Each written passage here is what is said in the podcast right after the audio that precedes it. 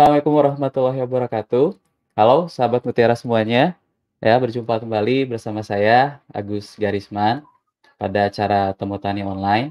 Pada episode yang ke-28 kali ini, ya saya ditemani oleh rekan saya yang jauh di uh, seberang sana, ya tepatnya di Pulau Kalimantan. Nah, lebih tepatnya lagi adalah di Kalimantan uh, Kalimantan uh, Selatan. Ya, nanti saya ditemani oleh rekan saya bernama Mas Johan, ya, Nurma Johan Rahmawan, yang nanti akan menjelaskan mengenai e, bagaimana petani di Kalimantan Selatan e, berbudaya terong yang menguntungkan. Nah, e, sebelum kita mulai, seperti biasa, saya mengingatkan sahabat mutiara semua untuk like video ini, ya jangan lupa e, subscribe channel YouTube kami yaitu MPK Mutiara TV dan jangan lupa untuk pentung tanda loncengnya supaya sahabat mutiara terus bisa update video-video edukasi kami lainnya. Nah, jika ingin berdiskusi dengan kami, ya, kami juga ada grup uh, Telegram. Yang pertama adalah grup Telegram komunitas MPK Mutiara dan yang kedua adalah grup Telegram Hidroponik Mutiara. Nah, supaya uh, tidak lama lagi, kita langsung saja uh, sapa Mas Johan. Apa kabar, Mas Johan? Ya, Pak Garis. Baik, Pak Garis. Ya, baik. Apakah Gimana kabarnya? kabar dan suara bisa diterima dengan baik, Pak? Nah, jelas, jelas. Jelas, Mas Johan. Ya. ya. Musim apa, Mas Johan, sekarang? Ah, uh, sekarang belum musim durian, Pak. ya, suka durian, belum. Pak Garis? Belum, belum. Iya, kebetulan saya suka, tapi tidak terlalu uh, maniak juga ya. Iya. Kenapa belum belum musim ya? Padahal kan biasanya udah mulai panen kan? Biasanya bulan-bulan ini? Mungkin karena agak basah ya bulan-bulan kemarin. Oh, mundur ya? Kayaknya mundur. Oke, ya. Oke, tapi kita kali ini bicaranya tentang terong Mas Johan ya, dia bukan durian. Iya. Oke, silakan uh, Mas Johan, presentasinya silakan. Oke. Baik, uh, terima kasih Pak Garis ya. uh, atas waktunya. Uh, baik, sahabat Mutiara di mana pun sahabat Mutiara berada ya. Uh, sesuai judul pada episode kali ini yaitu terong ungu tak kenal maka tak untung. Jadi uh, kita di sini mau menjelaskan uh, betapa pentingnya kita untuk mengenal dengan baik tanaman yang kita budidayakan dalam hal ini terong sehingga kita pun bisa memberikan yang terbaik untuk si terong dengan harapan bahwa terong tersebut nanti juga memberikan uh, imbal balik berupa yield atau hasil panen yang tinggi. Oke. Okay. Ya, uh, sebelumnya izinkan kami uh, menyampaikan sekilas tentang Kalimantan Selatan, yaitu provinsi tempat kami bertugas saat ini. Jadi Kalimantan Selatan adalah provinsi yang paling mungil luasannya ya. Jadi paling kecil luasannya dibanding dengan eh, provinsi-provinsi uh, lain di Kalimantan Selatan. Uh, pada batas darat uh, Kalimantan Selatan sendiri berbatasan langsung dengan uh, Kalimantan Timur dan Kalimantan Tengah ya. Sedangkan luas wilayah Kalimantan Selatan sendiri adalah 38.744 km persegi. Jadi eh, meskipun mungil eh, di Kalimantan terhitung mungil, eh, luas Kalimantan Selatan ini sudah sepertiga Pulau Jawa ya kalau kita bandingkan. Ya. Kemudian eh, Kalimantan Selatan sendiri terdiri dari 11 kabupaten dan dua kota, sahabat mutiara. Nah, uh, kemudian untuk kondisi geografis dan uh, klimatologinya, uh, luas lahan pertanian di Kalimantan Selatan yang merupakan luas ini ya apa agrokomplek mencakup beberapa ini apa uh, pertanian. Ada perikanan peternakan kemudian mencakup hutan rakyat juga kemudian perkebunan rakyat ya uh, hortikultura uh, tanaman pangan ini mencapai satu juta delapan ratusan ribu hektar. Sedangkan porsi hortikulturanya ini uh, terbilang masih sangat kecil, yaitu 12 ribu hektar luas panennya. Uh, kemudian untuk ketinggian wilayah rata-rata di Kalimantan Selatan ini adalah 17 meter di atas permukaan laut dengan puncak tertingginya di komplek pegunungan Meratus dengan ketinggian 1901 meter di atas permukaan laut. Kemudian jenis tanah di Kalimantan Selatan uh, yang merupakan tanah-tanah yang uh, sering dijadikan sebagai lahan budidaya, terutama terong, adalah lahan ultisol atau uh, dewasa ini biasa disebut fosfolit, kemudian lahan aluvial yang subur, kemudian lahan gambut. Untuk kelas lereng di 0,8 persen ya. Kemudian untuk kelembaban udara atau kelembaban relatif itu cukup lembab ya Kalimantan. Uh, kemudian untuk intensitas penyinaran ini uh, sangat cukup yaitu di 40% sampai di 59%. Untuk curah hujan sendiri uh, Kalimantan cukup tinggi ya.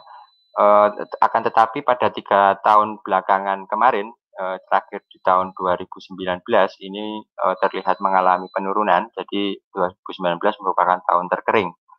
Uh, sedangkan tahun 2020 ini agaknya sudah agak mulai uh, merangkak menjadi tahun basah lagi ya. Baik, uh, sahabat Mutiara, uh, kondisi komoditas hortikultura di Kalimantan Selatan uh, yang terbesar adalah tanaman cabai. Ini baik cabai besar maupun cabai keriting, tapi porsinya masih uh, besar cabai rawit ya, cabai rawit yang paling besar. Ya. E, kemudian diikuti semangka, e, mayoritas adalah semangka seedless atau non biji, kemudian diikuti terong nomor tiga dengan luasan panen terbesar, baru diikuti kacang panjang. Ini data tahun 2020 ya. Baik, uh, untuk produktivitas terong ungu di Kalimantan sendiri uh, masih tergolong di bawah rata-rata nasional ya. Uh, kan tetapi uh, tren peningkatan animo masyarakat atau petani terhadap terong ini tidak pernah pudar. Jadi terong merupakan komoditas yang digemari di Kalimantan Selatan. Uh, untuk produktivitas per wilayah kabupaten yang paling banyak menanam terong itu ada di hulu Sungai Selatan. Akan tetapi e, untuk produktivitas per hektar rata-ratanya itu paling tinggi di Banjarbaru dengan e, produktivitas rata-rata 17,9 ton per hektar. Ya, kita ke slide selanjutnya. Kita mulai ke materi pokok sahabat mutiara sesuai judulnya kita mulai dengan mengenal siapa itu terong. Jadi dari taksonominya ya sesuai namanya eh, Solanum melongena kita sudah eh, bisa mengetahui bahwa terong ini ternyata adalah kerabat dekat eh, tanaman kentang ya dan tanaman ranti atau di beberapa daerah disebut lenca. Kemudian terong juga kita ketahui sebagai kerabat jauh tanaman tomat. Oke. Untuk uh, kondisi atau lingkungan yang dikehendaki terong sehingga dia itu merasa nyaman dan uh, mampu menghasilkan yield yang tinggi, uh, sebenarnya terong ini uh, tergolong adaptif dalam berbagai ragam ketinggian ya, dari 0 sampai 1500 meter uh, di atas permukaan laut, bahkan di daerah subtropis uh, ada yang menanam lebih dari ketinggian tersebut. Kemudian terong ini adalah tanaman yang menyukai matahari, ya, karena sejatinya memang dia tanaman tropis, ya, jadi dia suka penyinaran paling tidak 6 sampai 7 jam per harinya. Kemudian eh, terong eh, bisa optimal sampai pada suhu 30 derajat Celcius pada siang hari dan pada malam hari e, kalau bisa e, jangan lebih rendah dari 18 derajat. Oke. E, kemudian terong terong ini suka suasana udara yang tidak terlalu lembab. Jadi dia suka yang kering-kering. Jadi uh, kelembaban optimumnya ini tercatat di 37% saja. Sementara ini menjadi faktor pembatas di Kalimantan, ya sahabat mutiara. Uh, Kalimantan memang hangat uh, dan cenderung panas bahkan akan tetapi udaranya itu lembab atau basah. Jadi RH di Kalimantan kalau siang bisa di 70, kalau malam bahkan bisa 95 sampai 100%. Kemudian uh, untuk media tanamnya, terong itu suka tanah yang poros dalam. Ini terkait juga dengan uh, kemampuan akarnya untuk menembus uh, ke kedalaman satu meter. Bahkan pada terong liar ya atau terong lokal di Kalimantan itu bisa lebih dalam dari itu karena pohonnya juga bisa mencapai 2 meter lebih. Kemudian eh, kelembaban tanah. Nah, ini berbanding terbalik dengan keinginan si terong pada di atas permukaan tanah ya. Di bawah permukaan tanah dia suka tanah yang cukup air atau e, kelembabannya tinggi yaitu 65%.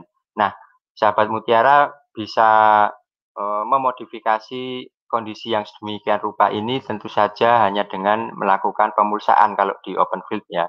Jadi pemulsaan itu sangat penting dalam uh, pengaruhnya untuk meningkatkan atau mendapatkan yield yang maksimum di tanaman terong. Kemudian seperti kerabat-kerabatnya, terong itu uh, kurang suka dengan garam ya, atau dalam hal ini NaCl. Jadi uh, meskipun levelnya moderat, tetapi NaCl juga dapat meracuni terong. Uh, kemudian pH tanah uh, seperti pada tanaman horti lainnya, yaitu ada di range uh, 5,8 sampai 6,5. Sedangkan density atau kerapatan populasi per hektar idealnya ada di 10.000 sampai 15.000 tanaman per hektarnya. Oke, kita skip saja. Uh, baik, uh, tidak ada salahnya juga sahabat mutiara sebagai pembudaya juga mengetahui bahwa gizi buah terong itu sangat tinggi ya. Jadi selain kalori, protein, lemak dan karbohidrat, uh, buah terong juga diketahui mengandung mineral-mineral penting yang dibutuhkan tubuh seperti fosfor, kalium, kalsium dan uh, zat besi. Kemudian serat ya, serat uh, di terong itu dikenal uh, sebagai bahan makanan untuk diet sehat yang baik karena uh, mampu menyerap uh, kolesterol dalam tubuh ya menurut penelitian. Kemudian selain itu juga terong mengandung banyak vitamin. Ya. Oke, uh, tidak bosan-bosan ya meskipun uh, di tiap temu tani online selalu dibahas ini uh, tapi tidak bosan-bosan untuk kita ingatkan lagi bahwa uh, dalam usaha tani itu setidaknya kita mengenal lima hal yang menjadi dasar, yaitu uh, yang pertama adalah terkait genetik, yaitu benih dan bibit yang unggul. Sebenarnya tambah lagi dengan cocok dengan iklim uh, setempat, ya. Karena genetik ini, sahabat mutiara, eh, sangat menentukan keberhasilan sebanyak 50% ya. Jadi kita pegang genetik yang baik ini artinya kita sudah memegang 50% eh, kemungkinan untuk mencapai yield yang kita harapkan. Kemudian yang kedua adalah air ya. Air adalah eh, elemen yang penting bagi semua makhluk hidup termasuk juga tanaman dalam hal ini terong ya karena eh, tanaman seperti kita ketahui penyusun utamanya adalah air elemennya ya. Jadi kekurangan air akan menjadi hal yang fatal bagi tanaman. Kemudian yang poin yang ketiga, nah ini adalah poin yang akan e, banyak kita bahas pada slide-slide berikutnya yaitu pupuk. Kemudian yang keempat, tidak kalah pentingnya yaitu manajemen e, hama dan penyakit ya. Ini adalah suatu upaya bagaimana kita mempertahankan uh, hasil panen itu tetap uh, optimal ya. Kemudian yang kelima adalah pasca panen. Ini terkait dengan usaha kita dalam mempertahankan uh, kualitas hasil buah yang dihasilkan agar tidak mengalami uh, penyusutan harga akibat kesalahan penanganan setelah panen. Baik, uh, set selanjutnya.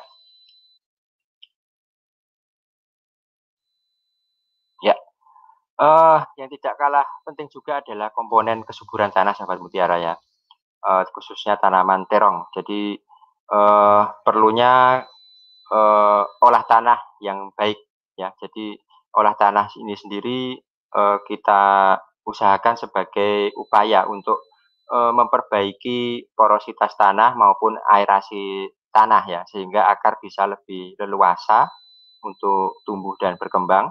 Akan tetapi untuk di Kalimantan sendiri kondisi tanah itu banyak yang uh, mengandung kation-kation asam seperti perit maupun aluminium ya. Sehingga biasanya sahabat mutiara di Kalimantan itu sudah mengenal dengan baik lahannya masing-masing. Jadi pada kedalaman berapa eh, karat-karat uh, yang bisa mengasamkan tanah tersebut bila terusik akan mengganggu uh, kestabilan pH. Jadi untuk di Kalimantan sendiri juga perlu kehati-hatian dalam menentukan kedalaman olah tanah. Jadi uh, agar uh, keasaman tanah tidak semakin menjadi Kemudian terkait dengan struktur dan tekstur tanah ya. Jadi kadang ada kalanya kita tidak bisa memaksakan eh, tanah tempat kita akan melakukan budidaya karena terkait dengan eh, tekstur tanah. Seperti contohnya pada beberapa kasus lahan itu eh, di kedalaman yang cukup dangkal sudah ditemui eh, lapisan lempengan batuan yang tidak bisa ditembus akar seperti itu ya. Kemudian uh, kandungan humus atau bahan organik seperti kita ketahui tadi, uh, terong membutuhkan CN rasio yang sedang sampai tinggi. Nah, sedangkan di Kalimantan ini uh, CN rasio cenderung rendah di tanah tanah fosol, uh, ya. Uh, biasanya di angka 11. Nah, ini biasa diakali dengan menambahkan bahan organik seperti pupuk kandang, tetapi tetap dalam uh, koridor kaidah budidaya ya agar tidak berlebihan. Kemudian yang keempat adalah pH tanah ya, karena ke pH tanah ini berpengaruh terhadap eh, ketersediaan unsur hara bagi tanaman. Kemudian ada kandungan unsur hara dan mikroorganisme tanah sebagai indikator kesuburan biologi tanah. Ya. Baik. Eh, mungkin sering kita mendengar ada berbagai macam tempat pemupukan ya. Jadi untuk mendapatkan kelima tepat ini, sebelumnya juga kita harus mengenali eh, apa yang dibutuhkan tanaman dari fase per fasenya, ya sehingga eh, kita tidak salah dalam memberikan jenis dosis eh, maupun timing atau eh, waktu, kemudian tepat cara, ya eh, bagaimana cara yang terbaik Kemudian terkait dengan e, cara ini terkait juga dengan placement atau penempatan pupuk pada tempatnya. Kemudian apabila keempat tepat ini sudah tercapai, maka secara otomatis e, tepat ekonomi akan tercapai. Ya. Baik. Ini adalah contoh e, penelitian tentang e, stres salinitas ya atau kadar NaCl yang diberikan kepada terong. Jadi meskipun levelnya itu toleransinya itu tergolong moderat, tapi pada konsentrasi tertentu juga eh, NaCl dapat eh, mengganggu pertumbuhan dan perkembangan tanaman terong tersebut. Kemudian pada tabel di samping kanan ini merupakan dasar dari eh, acuan kita dalam melakukan penempatan pupuk ya, eh, penempatan aplikasi pupuk, yaitu dalam tabel kita ketahui bahwa fosfat merupakan unsur yang paling malas bergerak di dalam tanah. Terlebih dia juga mudah terikat ya. E, jadi e, jarak fosfat dari akar yang bisa diserap tanaman itu e, mensyaratkan sangat dekat sekali, 1 mm saja jaraknya. Berbeda dengan nitrogen, kalium, dan magnesium yang cenderung e, mempunyai range sebaran yang sangat tinggi sehingga mudah diserap akar. Ya.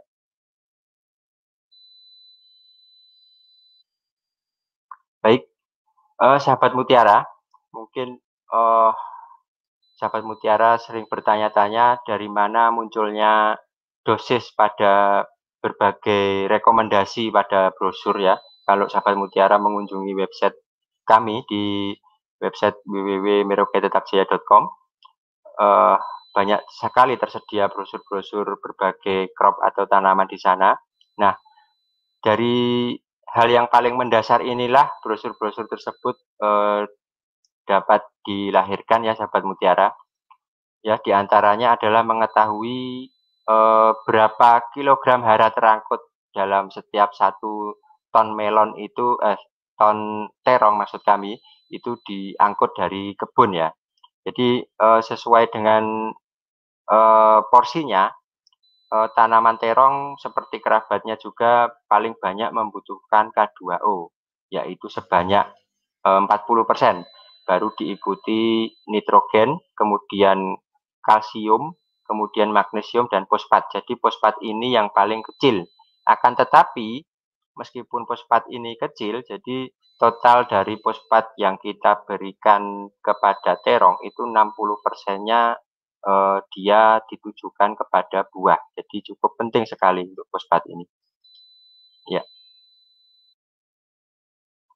Nah, sebagaimana hara makro, terong juga membutuhkan hara mikro yang tidak kalah pentingnya. Ya. Jadi eh, meskipun dibutuhkan jumlah, dalam jumlah yang sedikit, Hara mikro ini mampu mempengaruhi peningkatan maupun penurunan hasil terong yang sangat signifikan. Ini dibuktikan dengan uh, penelitian Pak LH Mahmi ya di tahun 2018 masih baru. Ini beliau meneliti uh, efek salah satu unsur mikro saja yaitu boron pada terong ya. Ternyata pada peaknya puncak tertinggi selisih peningkatan hasil itu sampai ditemukan angka 47 persen. Nah, ini e, membuktikan bahwa unsur mikro itu tidak bisa diabaikan begitu saja. Jadi ini baru salah satunya saja ya, boron. Sedangkan kita ketahui dari tabel di bawah bahwa semua elemen mikro itu berpengaruh nyata terhadap peningkatan hasil panen. Nah, dari pemaparan kebutuhan hara makro maupun mikro ini, sahabat mutiara, bisa kita simpulkan bahwa terong sama sekali bukan tanaman yang marginal ya, melainkan sama seperti kerabat-kerabatnya, kentang dan tomat, terong itu adalah tanaman yang intensif. Yang maksud kami adalah e, menuntut kecukupan hara nutrisi yang tinggi untuk dapat menghasilkan hasil yang tinggi pula.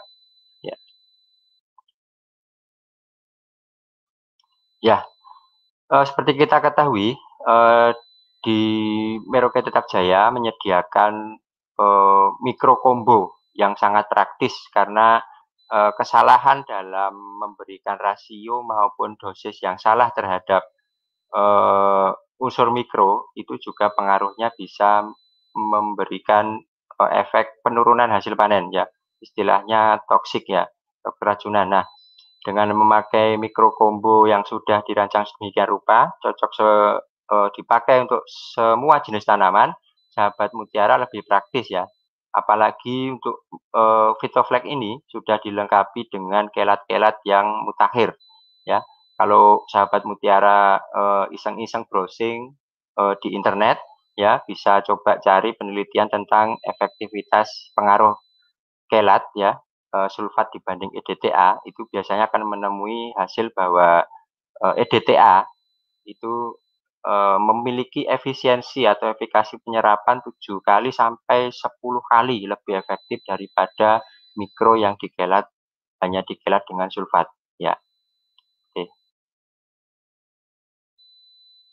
Nah, setelah kita mengetahui nutrien uptake atau berapa sih hara yang terangkut panen ternyata tidak berhenti sampai di situ ya. Ternyata masih banyak pertimbangan lain yaitu eh, terkait dengan apakah tanaman itu tanaman tahunan atau semusim, kemudian umur tanam tanaman itu menghabiskan berapa lama waktu, kemudian uh, fase pertumbuhan ya, fase pertumbuhan ini membutuhkan rasio dan uh, dosis pupuk yang berbeda-beda sesuai fasenya, kemudian gejala defisiensi hara juga menjadi uh, pegangan kita untuk memberikan rekomendasi final sebagai koreksi, kemudian yaitu kondisi lahan setempat dan kesuburan tanah. Selain itu ada curah hujan juga, kemudian uh, pengaruh mutu pupuk ya, karena mutu pupuk ini lebih erat kaitannya dengan bentuk unsur hara yang kita berikan. Ya, jadi semakin baik, semakin berkualitas si pupuk itu yang bisa mengakibatkan uh, semakin efisien juga biaya yang kita uh, keluarkan untuk pemupukan. Ya. Nah, terkait timing dan placement atau waktu dan penempatan pupuk ya, menurut International Fertilizer Association pada tahun 91 ini khusus untuk tanaman terong, acuan mudahnya adalah dari total semua rekomendasi final yang kita akan kita berikan untuk, untuk terong, ini 20% nitrogen, kemudian 50% fosfat, dan 30% kalium ini sebaiknya diberikan sebagai basal atau pupuk dasar ya selesai uh, se sisanya itu baru diberikan sebagai pupuk susulan ya, seperti itu. Kemudian seperti kita ketahui tadi, e, meskipun fosfat itu dibutuhkan paling sedikit ya untuk mikro, e, makro maksud kami, hara makro yang dibutuhkan paling sedikit. Akan tetapi dalam rekomendasi final biasanya e, faktor pengalinya adalah tiga kali lipat. Jadi bisa tiga kali lipat dari hitungan kebutuhan uh, serapan. Jadi pada akhirnya ya lumayan cukup tinggi juga nanti pupuk fosfat yang diberikan terutama untuk lahan-lahan dengan tinggi AL ya jerapan AL.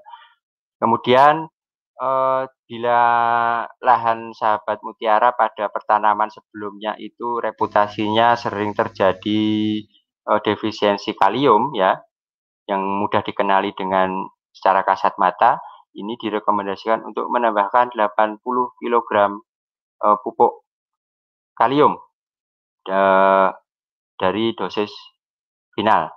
Ya, bisa kita lanjut.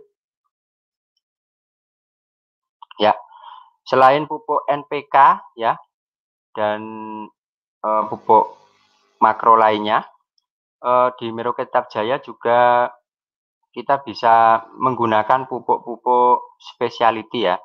Pupuk-pupuk ini memiliki kelarutan yang sangat baik sehingga biasa dipakai pada budidaya hidroponik maupun vertigasi modern ya.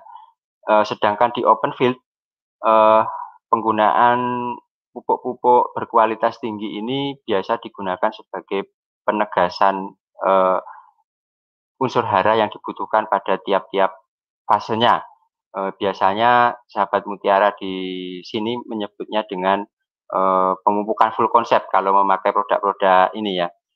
Uh, jadi uh, pada fase vegetatif biasanya yang digunakan adalah Merauke MAP, baik bisa digunakan foliar maupun uh, drenching atau kocor. Kemudian pada fase transisi dari vegetatif ke generatif, ini uh, kita bisa pakai Merauke MKP ya pada terong. Kemudian pada fase generatif yang hubungannya dengan uh, pembesaran dan pemasakan buah ini biasa digunakan uh, Merauke Kalinitra dan Merauke Shop ya. Nah, sahabat Mutiara, izinkan saya untuk uh, menyampaikan uh, kisah sukses atau sukses story dari budidaya tanaman terong di Kalimantan Selatan. Untuk siapa dan di mana nanti mungkin akan lebih jelasnya pada video liputan di lapangan. Uh, untuk informasi populasi yang ditanam uh, pada secara realnya itu ada 3.500 tanaman dengan luas tanam 3.300 meter. Jadi kalau dikonversikan ke hektar ini sekitar 11.655 tanaman. Nah, uh, budidaya ini dilaksanakan sejak Maret 2020 dan baru selesai pada Oktober kemarin. Jadi terhitung tujuh bulan ya, tujuh bulan. Kemudian eh, kelembaban relatif pada saat itu tercatat di 78% rata-rata dengan suhu 22 sampai 34 derajat Celcius ya. Kemudian lahan budidaya ini pada ketinggian 33 meter di atas permukaan laut. Jenis tanahnya ultisol dengan catatan agak berpasir memang. Kemudian pH tanah 6,3. Ya, untuk uh, CN rasionya rendah, jadi kita tambahkan pupuk kandang, tapi dengan tetap uh, mempertimbangkan agar tidak terjadi akumulasi N dalam bentuk amonium dari pupuk kandang, karena nanti juga akan mengakibatkan penurunan kualitas dan kerusakan pada buah ya. Belum lagi uh, uh, meningkatnya efek serangan uh, cendawan maupun layu bakteri. Kemudian ada dolomit. Dolomit kita berikan 2000 ton saja, eh, 2000 kg maksud kami per hektar secara larikan. Kemudian ada NPK Mutiara Profesional 92525 dengan dosis 40 gram per lubang tanam. Kemudian ditambahkan juga dengan korn kali plus B sebanyak 30 gram. Kemudian untuk eh, pupuk mikro dan foliar tambahan lainnya yang difoliarkan ya, atau disemprotkan ini hanya tiga macam kebetulan ya, yaitu Vitoflex, Vitaflex, dan Profit Maxi. Profit Maxi ini pada saat pembesaran dan pemasakan buah. Sedangkan dua unsur mikro ini rutin dilaksanakan uh, 10, 10 hari sekali. Sedangkan produk-produk specialty uh, kebetulan diikutkan dalam kegiatan pengocoran. Ya, lanjut. Iya, baik sahabat Mutiara, uh, bisa kita lihat ini adalah pemeran utamanya ya dari pemupukan program pemupukannya yaitu pupuk kocor dan pelengkap. Bisa kita kita lihat di sini bahwa pupuk-pupuk yang saya sebutkan tadi semua ngumpul di sini menjadi satu uh, satu kocoran ya. Dan kita lihat uh, waktu waktu pemupukan ini mencapai hingga 207 hari atau total 28 kocoran. Sehingga tidak heran bila eh, akumulasi unsur makro dan unsur mikronya juga sangat tinggi ya karena waktu budidaya memakan eh, tujuh bulan lamanya.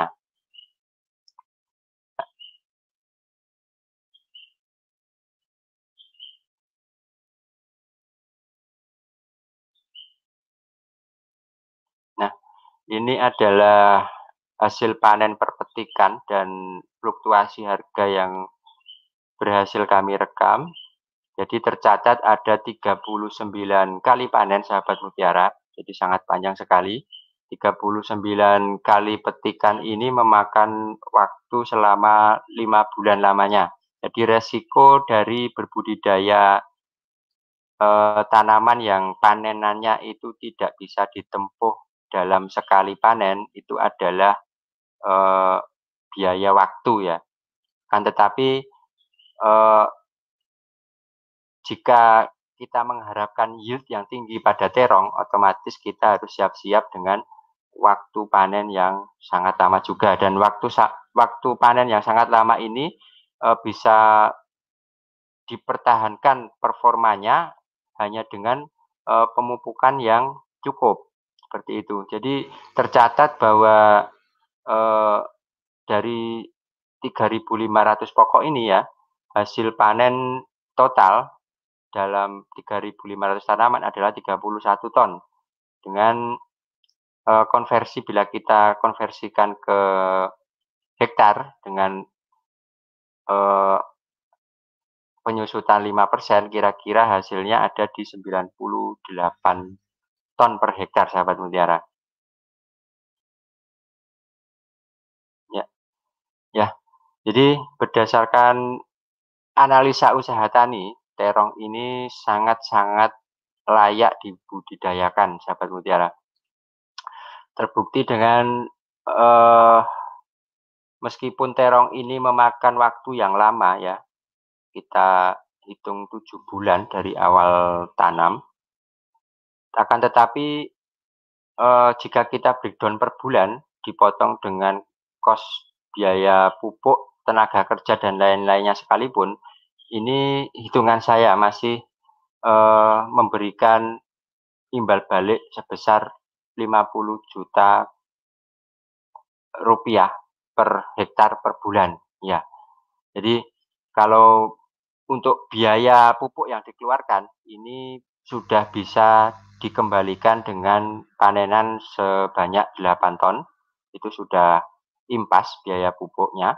Kemudian payback period atau berapa lama pupuk itu bisa balik modal ya. Untuk pupuknya saja ya, itu tercatat 86 hari setelah tanam atau pada panenan ke-8 pupuk itu sudah lunas termasuk dengan pupuk-pupuk yang belum diaplikasikan. Itu sudah lunas sahabat mutiara. Kemudian eh, porsi biaya pupuk yang diperlukan dibandingkan dengan total pendapatan itu hanya sebesar 8 persen saja. Jadi sangat kecil saja kalau dibandingkan dengan pendapatan yang dikembalikan oleh si terong ini. Kemudian secara profitabilitas eh, terong ini eh, tercatat dari total investasi pupuk yang kita keluarkan itu akan dikembalikan 12 kali lipatnya sahabat mutiara. Nah, ini adalah record dokumentasi ya perjalanan dari tanaman terong dari satu minggu sampai panen.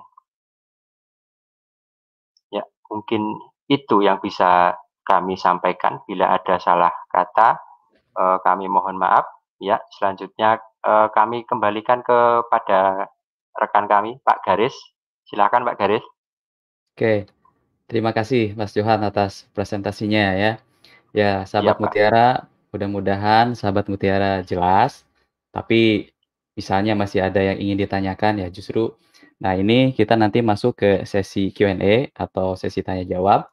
Tapi sebelum kita masuk sesi tanya jawab, ya kita uh, akan break dulu Nah, nanti bagi sahabat Mutiara yang ingin bertanya, silahkan uh, tulis semua pertanyaan dan uh, komentarnya di kolom komentar.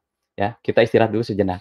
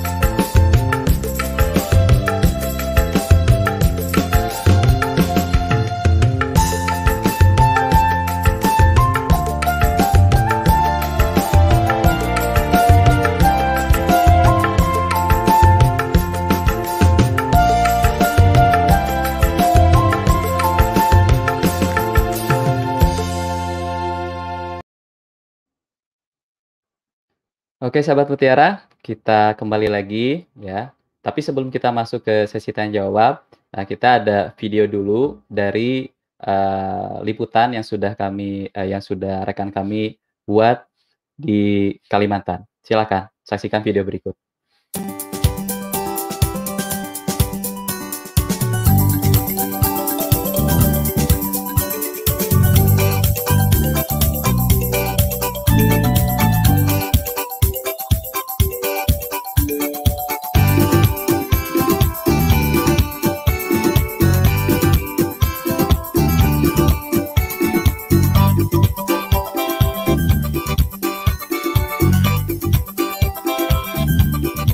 Sahabat Mutiara, saya Joko Waluyo, agronomis Kalimantan Selatan. Saya sekarang bersama dengan petani terong ungu Pak Permadi. Saya ingin berbincang-bincang sedikit mengenai budidaya tanaman terong ungu. Selamat siang Pak. Selamat siang. Gimana kabarnya? Alhamdulillah baik. Joko, gimana kabarnya Mas? Alhamdulillah baik. Ya. Pak Permadi jadi petani mulai tahun berapa Pak? Saya kalau petani dari tahun 2010 Pak ya. Cuman saya tuh fokusnya kebiasaan tuh di cabai, ya. melon, tomat. Nah, kalau terong baru dua kali ini Pak saya tanam. Dua kali ini ya? Ya, dua kali ini. Mulai tahun berapa Pak? Kalau terong tahun kemarin saya tanam 2019 2019. ya? Ya. Uh, tahun ini tadi saya tanam lagi Pak. Tahun 2020. 2020. Dan untuk masalah bertanam terong ungu ya Pak ya? Okay. Kenapa Pak memilih bertanam terong ungu Pak? Uh, terong ungu itu Pak ya, uh, pasarnya pasarnya luas, ya. peminat juga banyak. Di Kalsel ini harganya juga relatif stabil. Stabil ya Pak. Okay. Untuk budidaya terong ungu ini Pak, apa saja yang perlu diperhatikan Pak ya? Hmm. Supaya hasilnya maksimal Pak. Yang diperhatikan Pak ya, ya. yang jelas dari segi perawatan, perawatan itu dari uh, pemupukan, ya. hama penyakit, ya. terus uh, pH tanah, ya. uh, nanti kalau sudah besar terus diperhatikan perawatan, perawatan. Apa saja Pak kendala yang Bapak alami di lapangan Pak selama bertanam terong ini Pak? Kalau kendala Pak ini uh, kendalanya itu mungkin paling kuat gerayak, ya.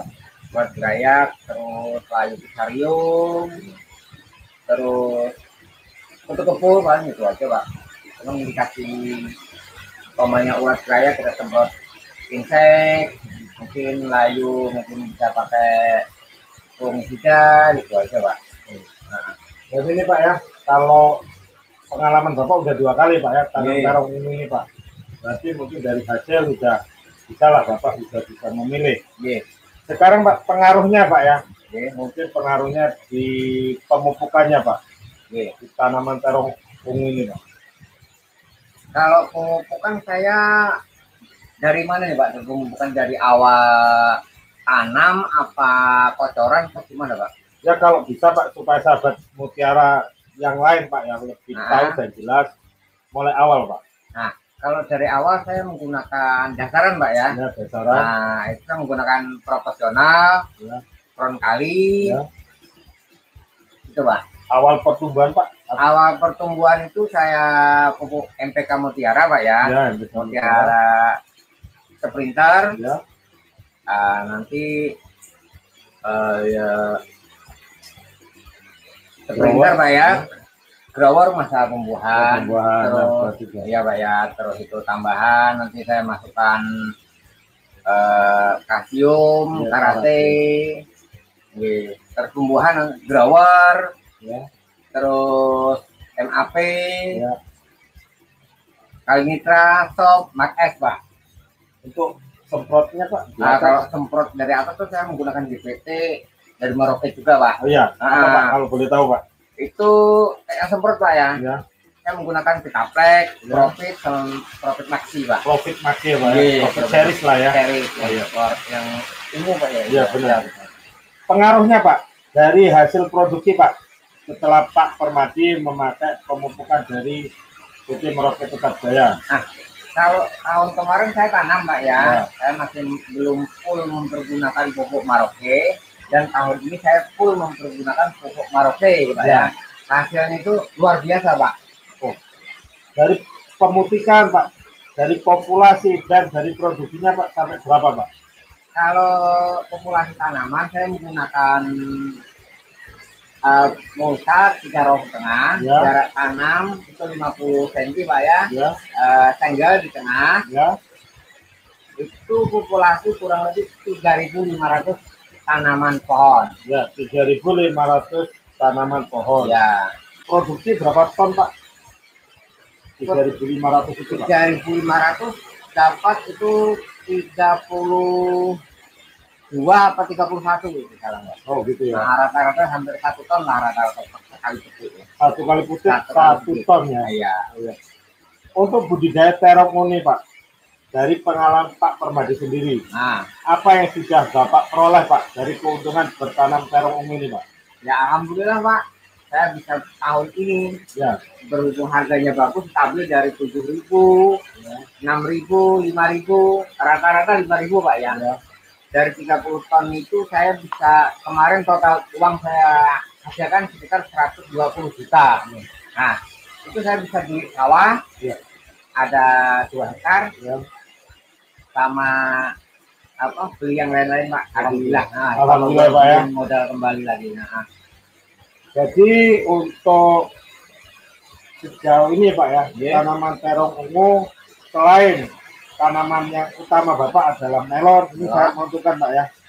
Jadi kami ingin menyampaikan ke sahabat mutiara yang lain bahwa terong ungu di Kalimantan Selatan ini sangat-sangat menjanjikan dari segi harganya, dari segi peminatnya, kita tidak ada masalah di pemasarannya.